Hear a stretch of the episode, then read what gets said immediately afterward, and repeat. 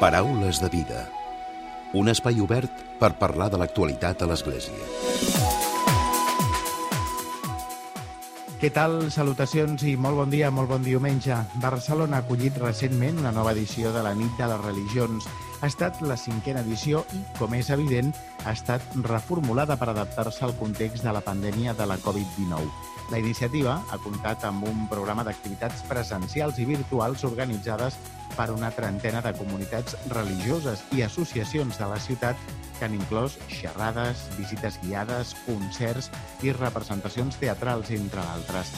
Unes activitats a les quals s'hi ha pogut participar amb inscripció prèvia per garantir en tot moment la distància i les mesures sanitàries de seguretat i els aforaments. La iniciativa, patrocinada per l'Ajuntament de Barcelona i que rep també el suport de l'obra social La Caixa, la impulsa i l'organitza l'Audir a través del seu lideratge del grup de joves. L'objectiu principal d'aquesta activitat és aproximar la ciutadania a les comunitats religioses i d'altres conviccions perquè les coneguin de primera mà, així com afavorir la relació i el diàleg entre elles. Avui en parlem i ho fem amb la Rosa Martínez, que és coorganitzadora juntament amb Sergi Arevalo d'aquesta nit de les religions. I com sempre tancarem el Paraules amb el comentari de l'actualitat de Francesc Romeu. Comencem.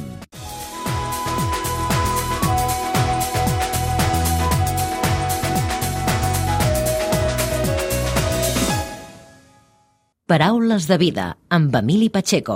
Rosa, bon dia i benvinguda al Paraules de vida. Bon dia, moltes gràcies.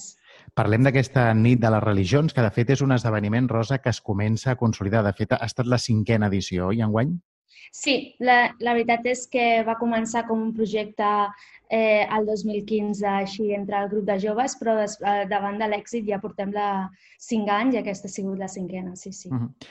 Aquesta ha estat la cinquena, tot i que ha estat una nit de les religions, en aquest cas marcada per la Covid, no? Sí, evidentment ha sigut una, una edició especial eh, en el que hem hagut d'incorporar novetats. La principal novetat és que moltes de les activitats eh, han sigut amb inscripció prèvia per poder controlar l'aforament i les que no s'insistia molt en que les comunitats haurien de fer inscripcions, ai, haurien de, de, de tenir en compte que l'aforament seria limitat.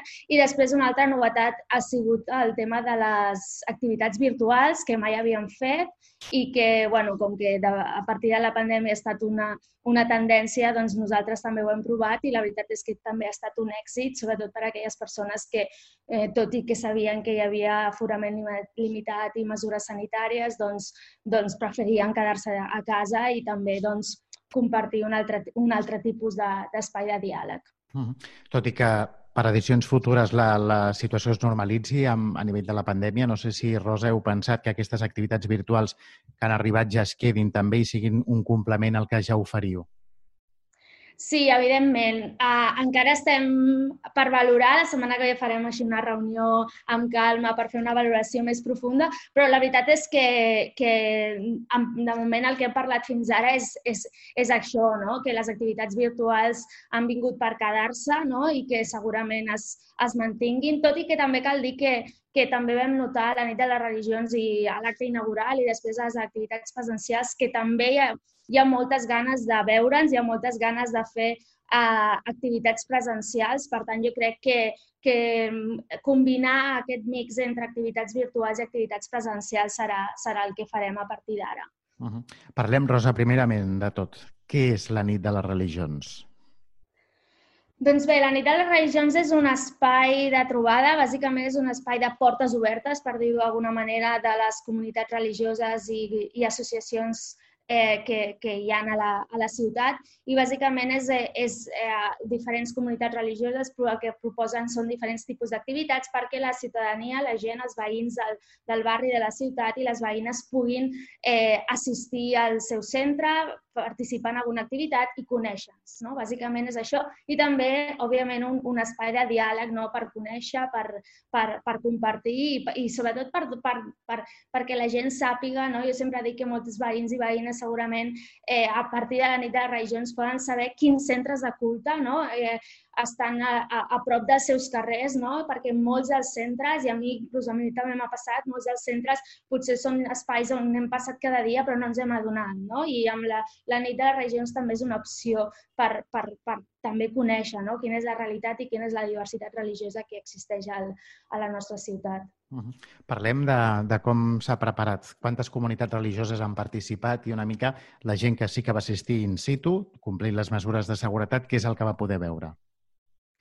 Doncs aquest any han participat 33 comunitats, tenint en compte que l'any passat ja arribàvem a la cinquantena, doncs han participat menys, però tot i així estem bastant contents i contentes de que, de que moltes comunitats han estat les que han participat perquè tenien ganes, no? tenien ganes i hem passat uns mesos sense, sense moltes activitats culturals, per tant, per tant, la veritat és que ha estat un bon número. No? Durant els últims quatre anys la tendència ha anat emergent i cada vegada notàvem que participaven més comunitats i també assistien més persones, no? perquè es donava a conèixer. Aquest any potser eh, hi ha hagut aquesta baixada, però tot i així sabem que és un any especial, estem bastant contents i contentes. I respecte a la participació del públic en general, el mateix. No? Sí que és veritat que amb aquesta opció d'activitats virtuals, doncs al final també hi ha hagut més, més, més diversitat. S'ha repartit, no? S'ha repartit més i sempre passa això, eh? sempre s'ha repartit, clar. I... Però la veritat és que estem bastant contentes. Per, de fet, per exemple, l'acte inaugural era, va ser al monestir de Pedralbes i amb un aforament molt limitat i encara així es va omplir les inscripcions i moltes inscripcions d'activitats que, per exemple, jo gestionava algunes de les inscripcions d'algunes comunitats que ens van demanar ajuda, es van omplir i tres dies abans de la nit de regions ja estaven tancades les inscripcions. Per tant, la veritat és que la participació ha estat bastant, bastant alta. És difícil dir números perquè al final no hem fet la valoració, però, però sí que és veritat que la sensació és que totes les activitats uh, s'han anat omplert i hi ha hagut bastant interès. Uh -huh. I la gent ha pogut veure com són les comunitats religioses per dins, però no només des del punt de vista o estricte religiós o litúrgic, sinó també a nivell cultural, social, no? com una religió es mou dintre d'una societat. Sí, clar, de fet nosaltres el que fem és convidem a les comunitats a que hi participin i després són elles les que proposen les activitats que vulguin. Algunes en fan, fan doncs, un acte litúrgic no? per, per veure, perquè la gent pugui veure què és el que es fa i altres fan xerrades, fan concerts, fan tallers, no? per exemple, ara me'n recordo la, la Gorduara SIC, no? van fer un taller de turbant, no? que això eh, sol agradar molt i després també fan una xerrada o altres fan concerts. No? Per tant, al final és cada comunitat decideix i el bo és que eh, les persones que, que, que quan, quan veuen el, el programa de la nit de les religions poden veure que hi ha una oferta diferent d'activitats i poden escollir quin tipus d'activitats és el que més li, li atrau. Hi ha hagut de tot, no? Més o menys d'activitats, Rosa? Sí, Sí, la veritat és que al final, i és una cosa que sorgeix així, sense, no, d'aquestes coses que sense, sense controlar, no és que nosaltres volem garantir doncs, que hi hagi un X concerts, X, però al final aquestes coses surten així i, I sí, hi ha hagut de tot i et dic, i amb aquesta novetat d'activitats virtuals que hi ha hagut moltes taules rodones, la veritat és que era una de les coses que volíem potenciar aquest any, que eren activitats més interreligioses, activitats en què hi participessin diferents comunitats, no només una comunitat que fes la seva comunitat, sinó que, que hi hagués, un, per exemple, una taula formada per diferents persones de diferents comunitats i això, per exemple, s'ha fet. No? I, i, però, clar, també és una, un, un, un format més, més, més formal, més teòric, per dir-ho d'alguna manera. Per tant, això s'ha ofert mentre que altres persones podien anar a un concert, no? per exemple, concert, un concert sufí a, una, a l'església de Sant Pau del Camp que va, que va, tenir, el, el, va tenir lloc el dissabte al vespre. Uh -huh. Aquesta interrelació no? de les religions, és a dir, que es parlin entre elles, no? Sí, clar, i que es coneguin, no? I que vegin que, i que conegin els punts en comú, no? Òbviament hi ha, molts, hi ha molts punts diferents, però també hi ha molts punts en comú. Per tant, això és el que, el que, el que també intentem potenciar, no? O almenys, almenys que es coneguin i que, sap, i que vegin que, comparteixen espais i comparteixen molts temes. Uh -huh.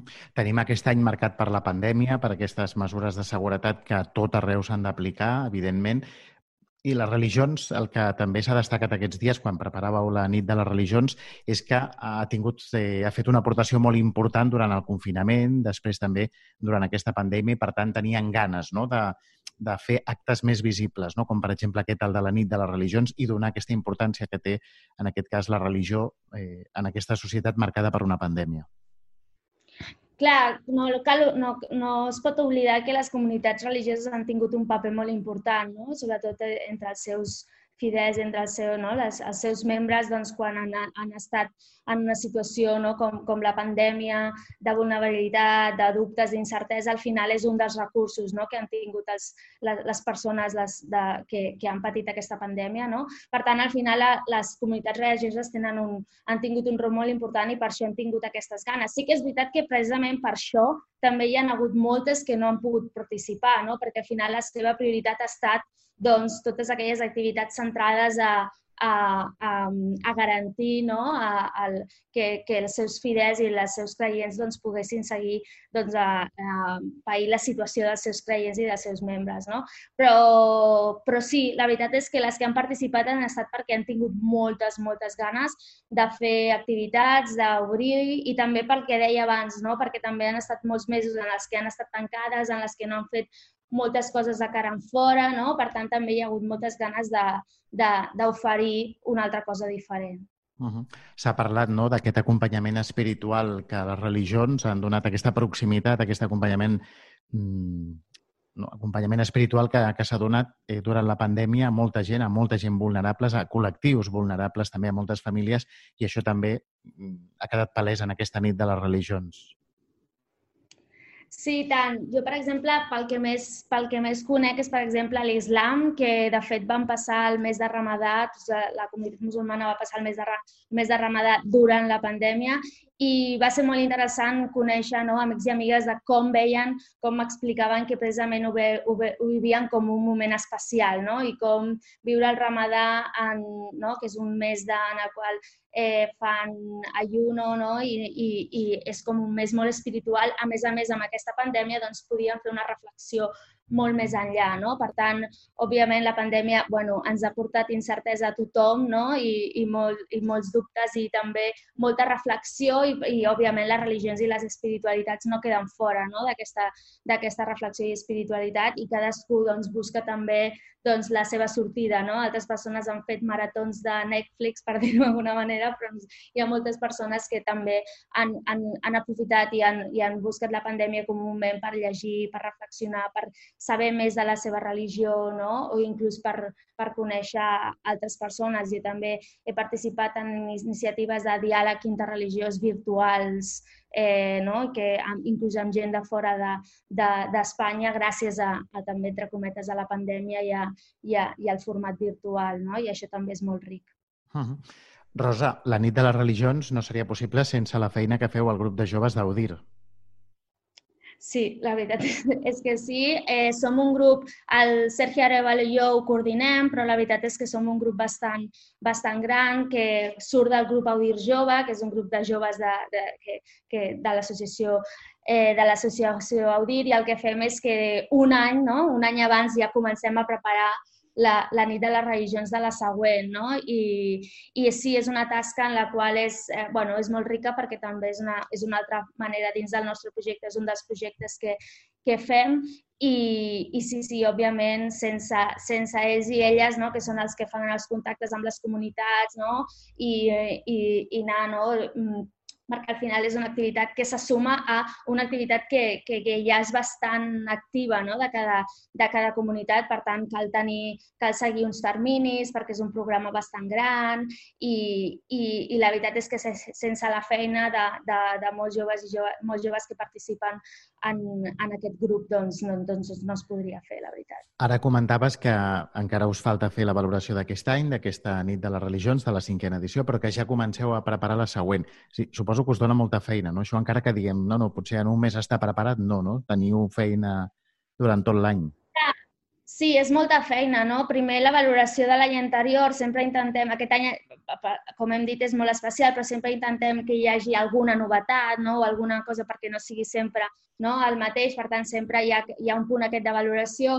Després també hi ha un punt d'intentar contactar amb noves comunitats, no? que, que és una de les coses que fins aquest any ho hem aconseguit, que cada any intentàvem eh, tenir més comunitats participants i això també era, era una aposta i no sempre, no? perquè a vegades hi ha comunitats que coneixen que és la nit de religions i és molt fàcil i altres que pel que sigui doncs, doncs, doncs encara no saben què és. No? Per tant, és un treball molt de formigueta, d'anar a comentar-les si els interessa, si no, que els hi encaixi, no? I, i clar, són molts, moltes peces d'un puzzle que s'han d'ajuntar, no? I a més, per exemple, aquest any la novetat ha estat que el, que el programa era online, eh, no ho he dit al principi, però el programa era només online i era en PDF i la gent se'l descarregava, però anys anteriors fèiem uns folletos um, que portàvem a centres cívics i clar, tota, ja només la impressió del que implica fer això, que això era perquè així la gent podria tenir-ho en paper, no? I doncs això això implica que el programa ha d'estar molt avançat i a més al setembre, per tant, amb l'estiu davant. Per tant, és com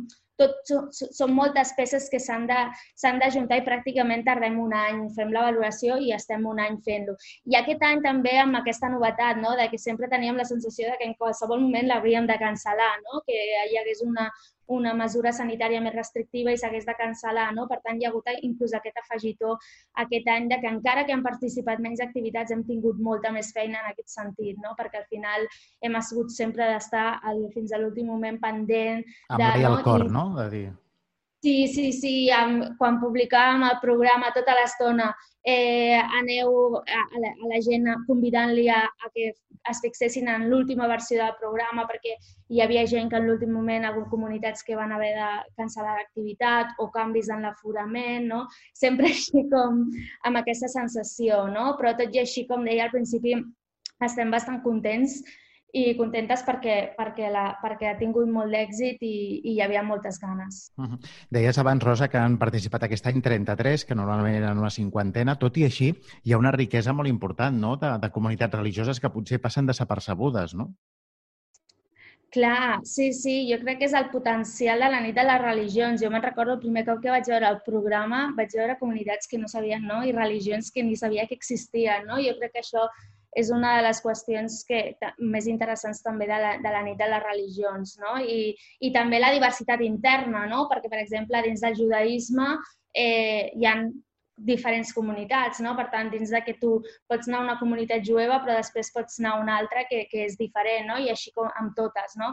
Per tant, sí, hi ha de, des de religions que coneixem més per la nostra realitat cultural, no? com el cristianisme, el catolicisme i el protestantisme, a religions menys conegudes com el sikhisme, els Bahá'í, no? el Scientology de Barcelona. No? Per tant, hi ha com, com, com, com aquesta varietat no? I, i, i jo crec que és un, un potencial bastant, bastant important.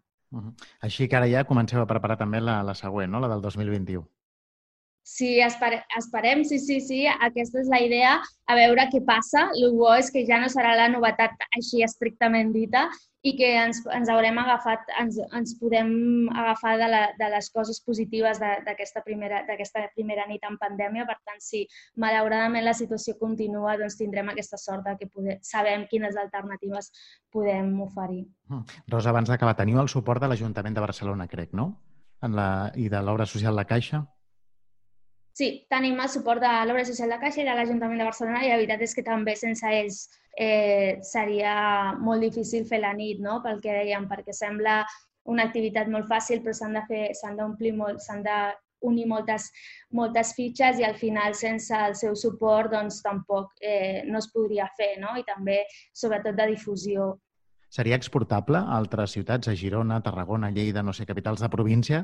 Sí, s'ha fet a, a, a altres ciutats, ara mateix no, no, no et sabria dir exactament a, a quines, però sé que s'ha fet i és molt fàcil de replicar l'activitat de la nit de religions i tant si és una, una ciutat amb molta diversitat religiosa com poca perquè segueix sent molt interessant. Per tant, jo animo a altres grups que siguin semblants, associacions semblants a la nostra, que si volen eh, fer l'activitat doncs, doncs la puguin fer.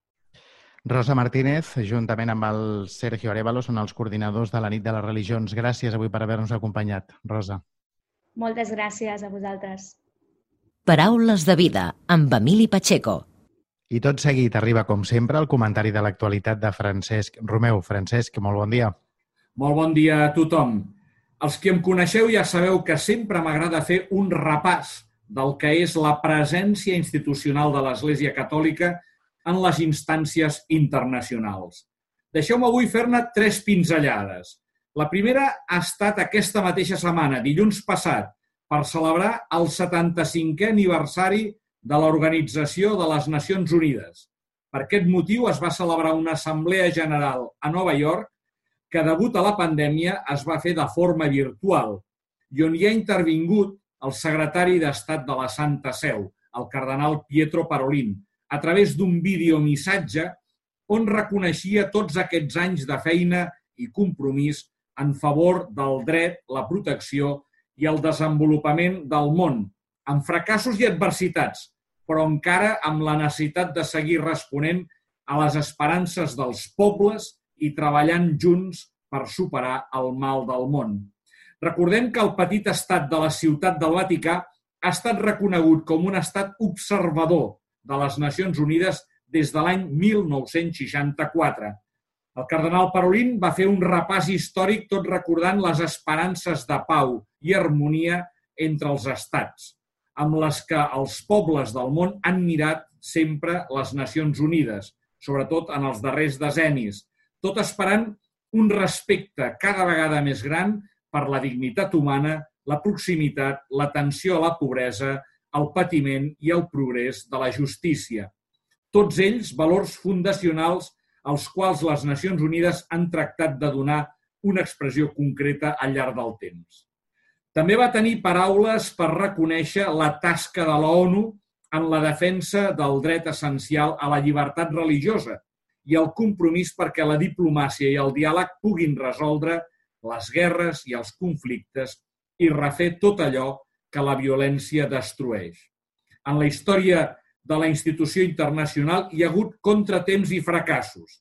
Les Nacions Unides no són perfectes, va assenyalar el secretari d'Estat, i no sempre han estat a l'alçada del seu nom i dels seus ideals. I això cada vegada que els interessos especials han prevalgut per sobre de la recerca del bé comú. D'aquí l'advertència que el representant del Vaticà dirigeix als diplomàtics que s'asseuen a l'Assemblea. No només per revitalitzar en un món canviant l'esperit original de la institució, sinó sobretot per renovar el compromís sincer amb la recerca del bé comú a través d'un consens i un compromís autèntics. Malgrat tot, va concloure el cardenal Parolin en el seu discurs, l'Organització de les Nacions Unides on els pobles es troben en el diàleg i l'acció comuna, és avui més necessària que mai per respondre a les grans esperances del món. La segona notícia internacional és la crida que ha fet la Santa Seu a favor de trobar una solució pacífica i justa per la situació sociopolítica que s'està vivint a Bielorússia després de les eleccions. Això ho va dir l'arcabisbe Ivan Jurkovic, que és l'observador permanent de la Santa Seu davant de les Nacions Unides a Ginebra i que va intervenir en la 45a sessió del Consell dels Drets Humans, dedicat justament a aquest país.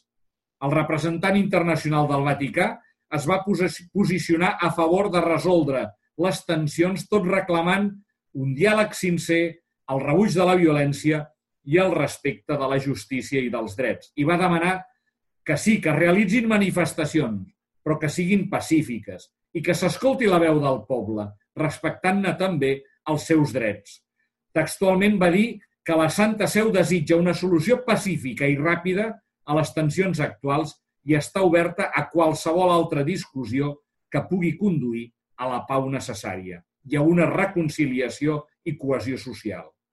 La tercera notícia internacional en la que ens ha fet arribar els bisbes de Tanzània, que han reclamat al govern que adopti un nou model econòmic, el que en diuen de l'economia social de mercat, que aspiri a tenir una nació amb un creixement econòmic sostenible i inclusiu per fomentar la participació en el desenvolupament de tota la nació. Aquest nou sistema que proposen els bisbes és el que ha estat estudiat i presentat per les principals universitats del país i es tractaria d'enfortir i construir economies individuals sota la protecció del mateix govern. Tinguem en compte que Tanzània, des de la seva independència, el 1961, és un país africà que ha provat ja tots els sistemes econòmics possibles, des del socialisme al liberalisme més radical, passant per totes les privatitzacions i industrialitzacions possibles, per acabar en una economia ara sense rumb. Molt bon diumenge a tothom. Paraules de vida.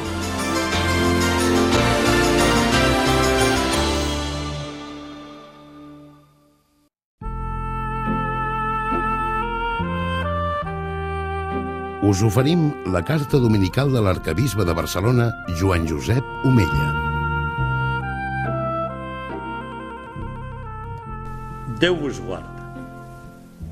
Deixem enrere l'estiu i els dies segueixen transcorrent a un ritme inusual, diferent, que ens exigeix a tots una mica de paciència.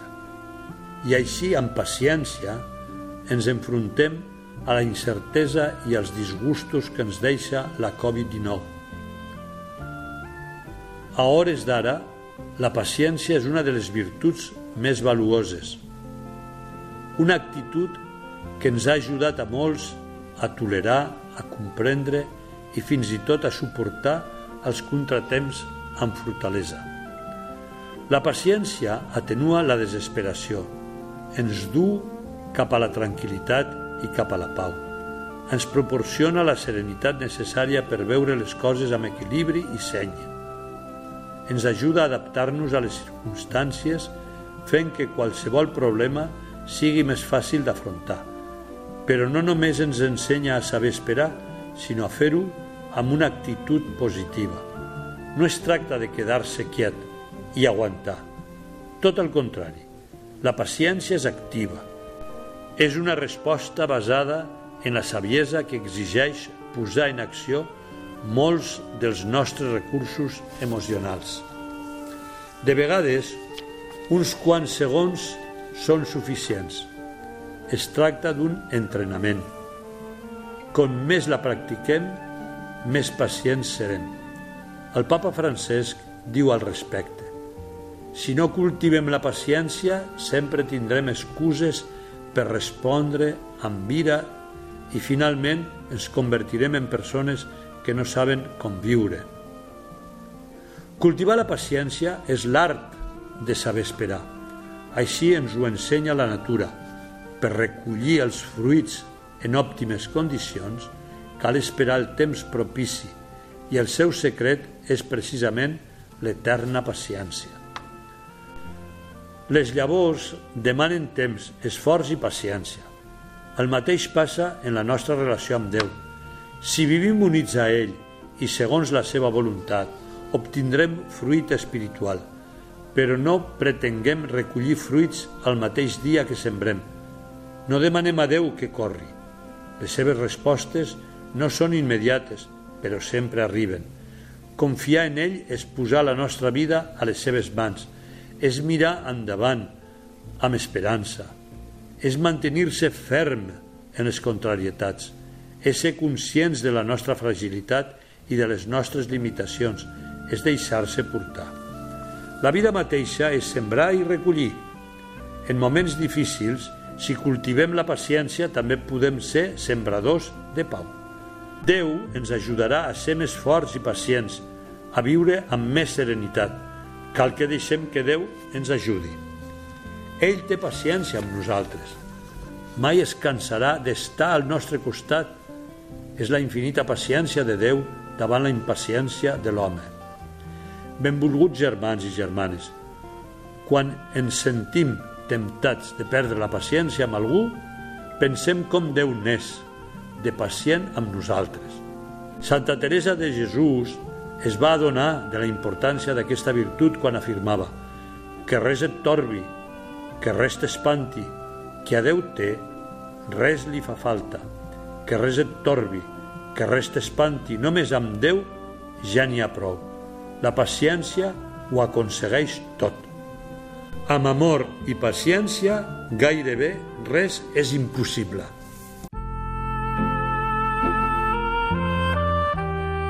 us hem ofert la carta dominical de l'arcabisbe de Barcelona, Joan Josep Omella.